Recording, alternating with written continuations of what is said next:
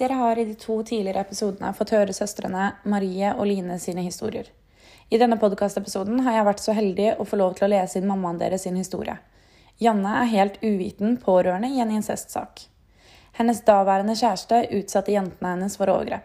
Jeg ønsker å benytte denne anledningen til å fortelle både Janne, men også Marie og Line hvor vanvittig sterke dere er. For et pågangsmot, og for en fantastisk mamma dere har hatt i denne situasjonen. Janne sin historie viser hvor mye gode støttespillere har å si når en familie rammes av en krise som incest. Jeg vil også si tusen takk for at dere har latt meg videreføre deres historie og sluppet meg så tett inn. Dere er en fantastisk familie, og jeg heier på dere hver eneste dag. Sammen går vi mot fremtiden. Det startet som en helt vanlig dag i januar. Min samboer gjennom ti år er på jobbreise i utlandet. Jentene mine, Marie på 13 år og Line på 11, er på skolen. Inn døra på jobb kommer det to damer. De ønsker å snakke med meg. Jeg unnskylder meg til kunden i stolen og tenker at de kanskje har fått meg anbefalt som frisør og vil ha en time. De ønsker at jeg blir med uten å kunne fortelle hva det gjelder. Hjertet faller ned i magen, og skjelven kommer. I baksetet på bilen som står utenfor, sitter en dame med et alvorlig uttrykk, og vel plassert ved siden av henne får jeg vite at min eldste datter Marie er seksuelt misbrukt av min samboer fra hun var seks-syv år. Ord kan ikke beskrive følelsen, men kun hylene mine kan. Det blir seks timer i politiavhør, avbrutt av en lunsjpause hvor Rød Prins ble min venn igjen etter mange år uten. Marie blir avhørt i rommet ved siden av, og jeg får vite at hun vil absolutt ikke treffe meg. Jenta mi. Tusen tanker i hodet. Stakkars Marie. Kaos. Når? Hvor? Hvordan kan jeg ikke ha sett? Hva skjer nå? Hvor skal vi bo? Hva med Line? Hva gjør jeg nå? Si til Marie at jeg tror på henne. Det er ikke hennes feil. Dette skal vi klare å komme oss igjennom sammen. Inn døren kommer den vakre jenta mi med hodet bøyd og blikket ned i gulvet. Gråt og omfavnelse. Ingen ord. Det trengs ikke. Vi reiser sammen opp til barnevernskontoret der Line er. Stakkars Line-jenta mi. Hun har tilbrakt mange timer der etter skolen sammen med en lærer. Hun møter meg med redsel i blikket. Hun har ikke fått noen informasjon på alle disse timene og har resonnert seg frem til at noen er død. Lettelse, omfavnelse, gråt og prøve å forklare. Med ett hører jeg hyl og høy gråt vegg i vegg. Jens, den omsorgsfulle pappaen til jentene, sitter med hodet i hendene da jeg alene går inn til han. Unnskyld, unnskyld. For hva? For at jeg ble sammen med en som har skadet jentene våre. Unnskyld. Ikke et klandrende ord fra den knuste mannen, men han åpner med en gang dørene etter hjemmet sitt for både jentene og meg. I det øyeblikket blir oppgaven vår å gjøre alt det beste for jentene våre, og det skal vi gjøre sammen. De neste døgnene ble det ikke mye søvn. Dag og natt går i ett, skal pakke ned hele livet vårt. Ti år med minner skal sorteres. Ikke et bilde av meg eller jentene skal være igjen hos den jævelen. Masse tanker, hat, gråt, vil rasere huset, vil tagge pedofil på husvegger. Mer gråt, mer fortvilelse, dagene går og kaos. Så kommer de andre tankene. Hvordan har han det nå? Han ble arrestert på Gardermoen og sitter i varetekt. Er han redd? Er han lei seg? Nei, vet du hva, det driter jeg i. Helvetes jævel. Eller Dette kan være tabuet i overgrepssaker der det er en man er glad i, som forgriper seg. Hele verden forventer at du skal hate, og kun hate. Det forventer man faktisk av seg selv også. Det er ikke slik det fungerer. Hvor ofte hører du ikke 'hvis noen skader barna mine, så dreper jeg'? Prikk, prikk, prikk. Hva hvis den som forgriper seg, er en du elsker? Følelser skrus ikke av med en knapp, det er en prosess. Det blir en periode der det veksles veldig mellom å hate og det å ha kjærlighetssorg. For meg er det viktig å være ærlig på det, men også overfor andre. Ikke undertrykke følelsene mine. Men jeg må presisere at jeg aldri har tvilt. Fokuset er at sannheten skal frem, og han skal dømmes for det han har gjort. Med kjempegod hjelp av en venninne er det meste pakket ned. Men hvor skal vi gjøre av oss? Utleieboligen jeg har økonomi til, er alt leid ut når jeg ringer. Fortvilelse, mer gråt. Redningen blir en telefon fra kommunen. De har en toroms leilighet, ledig med en gang. For en lettelse. Det blir en ringerunde til alle mine venner med en ydmyket bønn om hjelp til å flytte, og hjelpen kommer. Gaten vår var fylt opp med biler og folk når vi svinger rundt hjørnet opp mot huset. Noen er venner av andre venner. Hjertet mitt fylles med kjærlighet og takknemlighet. I løpet av knappe to timer bor vi nå i ny leilighet. Møbler og gardiner er plassert, alt er på plass i skuffer og skap. Familiebildene henger på veggen. Vårt nye hjem, vi tre. Kjenner et snev av lykke og optimisme. Dette skal gå bra. Må få sove, skal opp om to timer, og jeg er så sliten. Resepten på sovemedisin henger på kjøleskapet ved siden av telefonnummeret til en psykolog. Der skal det få henge så lenge som mulig, men det henger nå der, bare sånn i tilfelle. Jentene er kjørt på skolen, og hverdagen må begynne igjen. Bare jeg klarer å slutte å gråte. Jeg skal på jobb så fort jeg slutter å gråte. Må først på butikken, må klare å lage middag. Hva er det egentlig X har gjort med Marie? Hva sier jeg nå? Line er bare elleve år, og av det vi vet, er ikke hun misbrukt. Må velge mine ord. Hun må jo også skånes, er jo det som er best. Jeg har, detaljer, jeg har detaljer om overgrepene friskt i minne etter å ha lest avhøret av Marie men blir kvalm når jeg må fortelle det til henne. Han har tatt på tissen hennes og kysset henne på munnen. Æsj! Har han gjort noe med deg? Æsj! Dette får være med det. Barnevernet har tatt den runden. Line må skånes, hun er liten. Marie blir godt ivaretatt av fagpersoner, og støtteapparatet fungerer. Hun går til helsesøster jevnlig, og denne ressursen er også kun en telefon unna. Helsesøster skal også bli et nøkkelvitne i rettssaken som kommer. Det som er vanskelig for meg nå, er hva jeg skal ta opp med Marie. Hvor går hennes grenser for hva som er greit å dele med mammaen sin? Maser jeg? Ripper jeg opp i det vonde? Tror hun at jeg ikke bryr meg hvis jeg ikke tar det opp? Jeg velger å ikke snakke med henne om selve overgrepene, men jeg presiserer at jeg kjenner til detaljene og tror på alt hun har fortalt. Minner henne stadig på at jeg er der for henne uansett hva det måtte være. Jeg har ikke glemt eller fortrengt. Aldri. Ukene går og blir til måneder. Rød prins er valgt bort igjen, og jeg er tilbake på jobb. 17 kilo lettere. Hverdagen og de små gledene begynner så smått å vende tilbake. Føler at min viktigste oppgave er å skape gode minner også fra denne tiden for jentene mine. Små ting som en tur på bowling, en svipptur til Danmark og masse sosialt samvær med venner. De som også fungerer som psykolog for meg. Venner som er grunnen til at resept og visittkort fremdeles henger på kjøleskapet. Venner som tåler å høre om mine følelser på godt og på vondt. Venner som tar vårt parti uten at de er bedt om det. Jeg vil aldri glemme dere. Tusen takk, mine kjære venner. Kleshaugen ligger på sengen. Hva skal jeg ha på meg? Må kle meg riktig.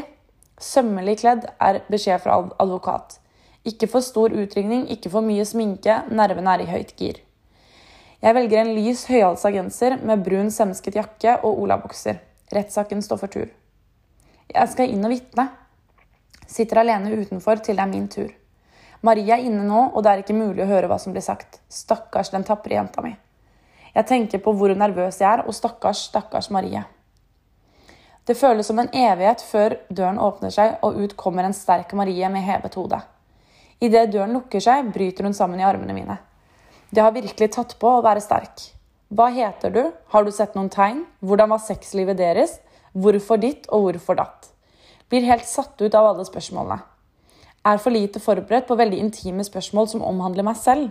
Her skal overgripet forsvares om det så skal blottlegge mine handlinger på soverommet. Ikke noen uvanlige handlinger for enkelte par, men utenfor min komfortsone for å klare å tilfredsstille en jeg var glad i, som sliter med potensen. Forsvaret skal sverte meg, trykke meg ned for å renvaske han. Og ja, det er visst slik det fungerer. Det tar en uke før dommen kommer.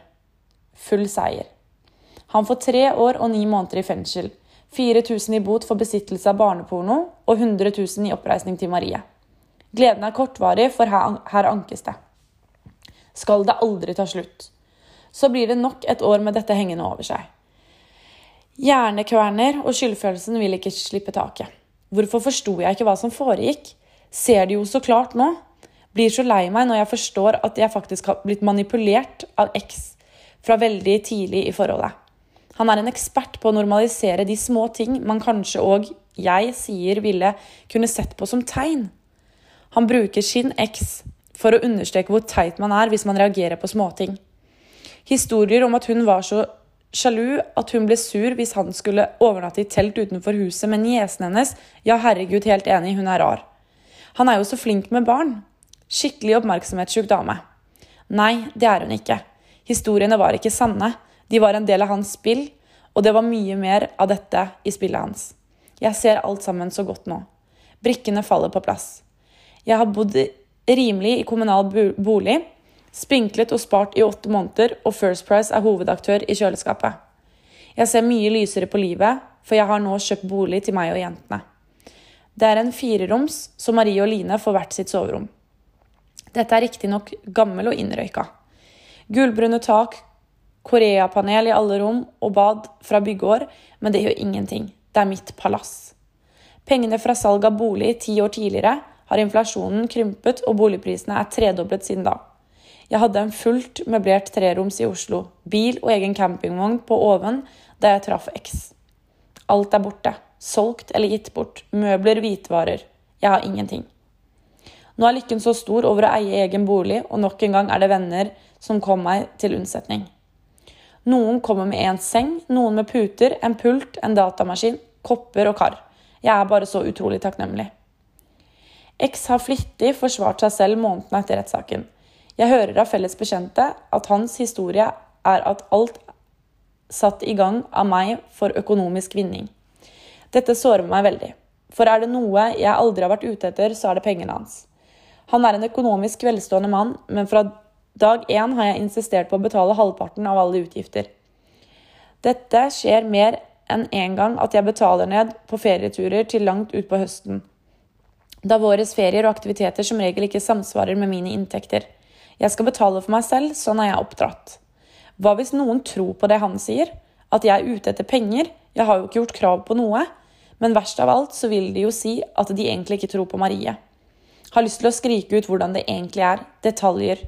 Les avhøret til Marie, da, så ser dere sannheten. Sannheten må frem. Besinne meg.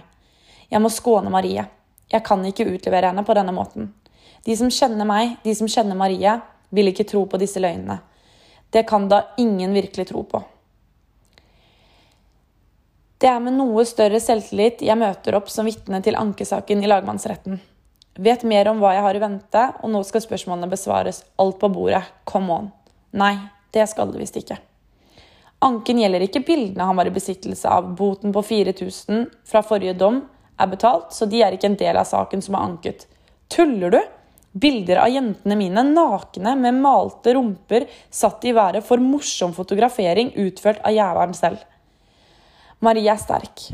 Atter en gang forteller hun med hevet hode detaljert om overgrep gjennom seks-syv år, til en jury bestående av ti fremmede mennesker og tre lekdommere. X gråter sine falske tårer, et spill for galleriet. Manipuleringen er i gang. Jeg får ikke noe i nærheten av de spørsmålene jeg fikk sist. Hva skjer? Jeg var jo klar til å svare. Veldig godt forberedt. Nei vel. Føles som om de er ferdige med meg før de har begynt. De må ha lagt om helt på strategien. Jeg har fått instrukser om ikke reagere når jury avgir kjennelse. Jeg føler hva som kommer med en gang de entrer rommet. Et jurymedlem reiser seg forsiktig opp, men oppgitt på hodet idet han reiser seg. Han er tydelig ikke enig. Vi i juryen finner tiltalte ikke skyldig. Er de helt gale? De må jo tro på jenta mi. Gråter. Gråter så stille jeg klarer. Har jo fått instrukser. Herregud, dette skjer ikke. Det kan ikke være sant. Fire av ti lot seg lure av noen krokodilletårer, lurt av en mester i manipulering. Akkurat det antall han trengte for å slippe unna med overgrep. Rettssalen tømmes for mennesker. Maries bistandsadvokat, jeg og eksadvokat er igjen. Lekdommere skal nå inn på bakrommet og diskutere juryens kjennelse. Ok, hva skjer da? Jeg Er forvirret, men tårene triller fortsatt nedover kinnet mitt. Lekdommere kan forkaste juryens kjennelse og det kommer de til å gjøre. Kjenner med et lite håp. Det blir helt sikkert slik, tenker jeg, når til og med eksadvokat klapper meg på skulderen og sier det samme med trøstende stemme. En slik kjennelse må jo være enstemmig. To av tre lekdommere vil forkaste juryens kjennelse og dømme tiltalte skyldig. Det holder akkurat ikke. Igjen hårfine marginer, og det er virkelig sånn rettssystemet i Norge fungerer. Jeg mister helt troa på rettferdigheten. Mista troen på juryordningen. Hjelper så lite at advokat sier det er en halv seier at lekdommere er enstemmig dømmer ham til å betale Marie 100 000 i erstatning, da hun mest sannsynlig er utsatt for overgrep. Hva er dette? Er vel ikke monopol vi spiller her, men det føles faktisk sånn. Jeg får raskt forklart at bevisbyrden er høyere for å dømme til fengselsstraff enn til erstatning. Så da slipper han fengsel. Hun får erstatning. Vinn-vinn. Skal vi liksom være fornøyd? Nei, fy faen. Er bare forbanna og fryktelig lei meg. Det er over to år siden den dagen da verden raste sammen for meg. Mitt motto er ikke en dag til skal den mannen få ødelegge for oss. Det er viktig for meg å ikke dvele ved det som er vondt, se fremover og ikke bakover. Life must go on. Line er 13 år. Hun har vært litt på sidelinjen av alt som har foregått de siste årene, og det tenker jeg har vært best for henne. Noe spørsmål har det vært innimellom, og så klart har jeg svart så godt jeg kan. Jeg har inntrykk av at i 13-årsalderen begynner jenter å forstå mer av dette med seksualitet, og Line åpner seg i en samtale om at hun nå forstår at X har prøvd å forgripe seg på henne også. Det begynte som en lek på hytta hvor truser skulle dras av hverandre, og man måtte prøve å forhindre det. Hvorpå det ender med å ligge nakne sammen i sengen. Hun forteller meg at hun etter, etter episoden hadde vist med kroppsspråk og oppførsel at hun ikke synes det var greit, og at hun ble sur på han. Det er først nå i denne alderen hun forstår hva denne episoden faktisk kunne ha utviklet seg til.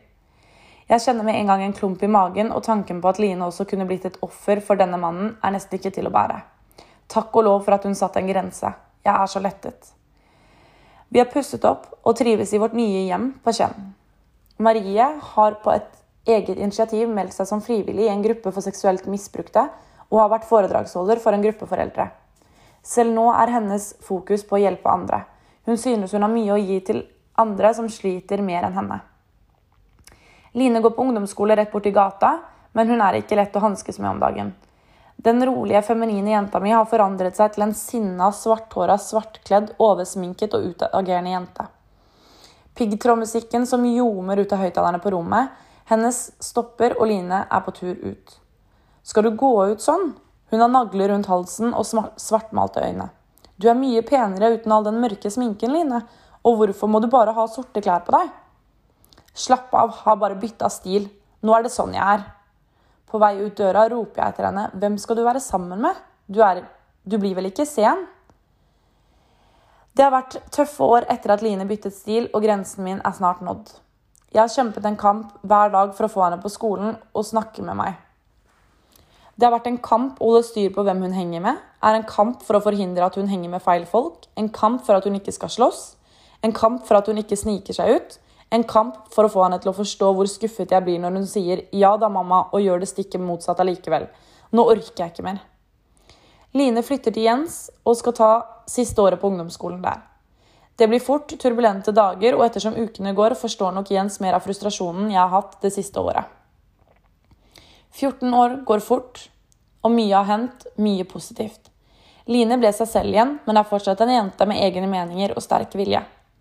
Hun valgte å få barn i ung alder, og er mor til Amy på seks år. Hun er utdannet bilmekaniker, i fast jobb og eier sin egen enebolig i en alder av 25 år. Jeg kan faktisk ikke være mer stolt. Marie har fått to barn. Emilie på fem år og Benjamin på ett år. Hun er utdannet paramedic og jobber i ambulansetjenesten i Oslo. Eier også sin egen bolig i en alder av 27. Det kunne ha gått så veldig annerledes for henne. Det viser mange statistikker, og jeg er så stolt. 14 år og veien hit var humpete, men vi har levd veldig normalt i mange år. Så forandret det seg for et par uker siden, og jeg fikk virkelig litt å tenke på. Mamma, jeg har begynt å høre på podkast. Jeg er hos Marie, og vi vasker og rydder i huset hennes. Jeg har hørt om podkast, men jeg har egentlig aldri hørt på en. Så dette må hun forklare meg nærmere. Det er spesielt en podkast som har fanget Marie sin interesse. Incest. Og denne blir også min debut innen podkast. Orker ikke å høre alle episodene engang. Det er så sterke historier og må ta tiden til hjelp. Må også ta litt pauser. Lite vet jeg, da de neste episodene jeg skal lytte til, er jentene mine. De har sammen blitt enige om at de har viktige budskap på hjertet. Det kan jeg ikke være mer enig i. Jeg blir så glad og stolt av den beslutningen. Det blir noen fine samtaler oss tre imellom, og det trekker virkelig frem mye følelser igjen. De vil så veldig gjerne høre mer om min historie. Mye er jo sagt allerede, men etter påtrykk fra Line lover jeg å komme med et sammendrag av hele min historie. Det skulle i utgangspunktet bli et kort Facebook-innlegg, men det lot seg ikke gjøre. Det forsto jeg ganske raskt. Mange dager med skriving og det som føles ut som tusen tårer senere. Men her var den endelig klar. Min historie om den dagen livet raste sammen, og veien tilbake til det gode liv. Dette var da Janne sin historie eller som jeg vil kalle en mors historie. Dere har nå fått høre en mor og to døtre sin historie fra tre helt forskjellige perspektiv. Noe som vil si at vi skjønner og forstår at incest selv under ett og samme tak kan oppfattes å være helt, helt forskjellig. I disse mm, tidene vi står utenfor nå, så er det veldig vanskelig å få spilt inn nye podkastepisoder. Så den neste podkastepisoden jeg kommer til å ha, det kommer til å være en spørsmålspodkast. Kanskje jeg også skal lese litt fra min egen bok. Um, men hvis dere har noen spørsmål som dere ønsker å få besvart på podkast, eh, enten om det er om meg og min historie, mitt liv, min bok eller tidligere episoder dere har hørt om, det må dere stå helt fritt til å bestemme selv. Så kan det sendes til meg på enten om det er Facebook, mail, Instagram, hva nå enn som gjør deg komfortabel med å stille spørsmålet. Jeg kommer også til å legge ut en link der man kan stille anonyme spørsmål. Eh, den vil både bli lagt inn på Facebook og på Instagram.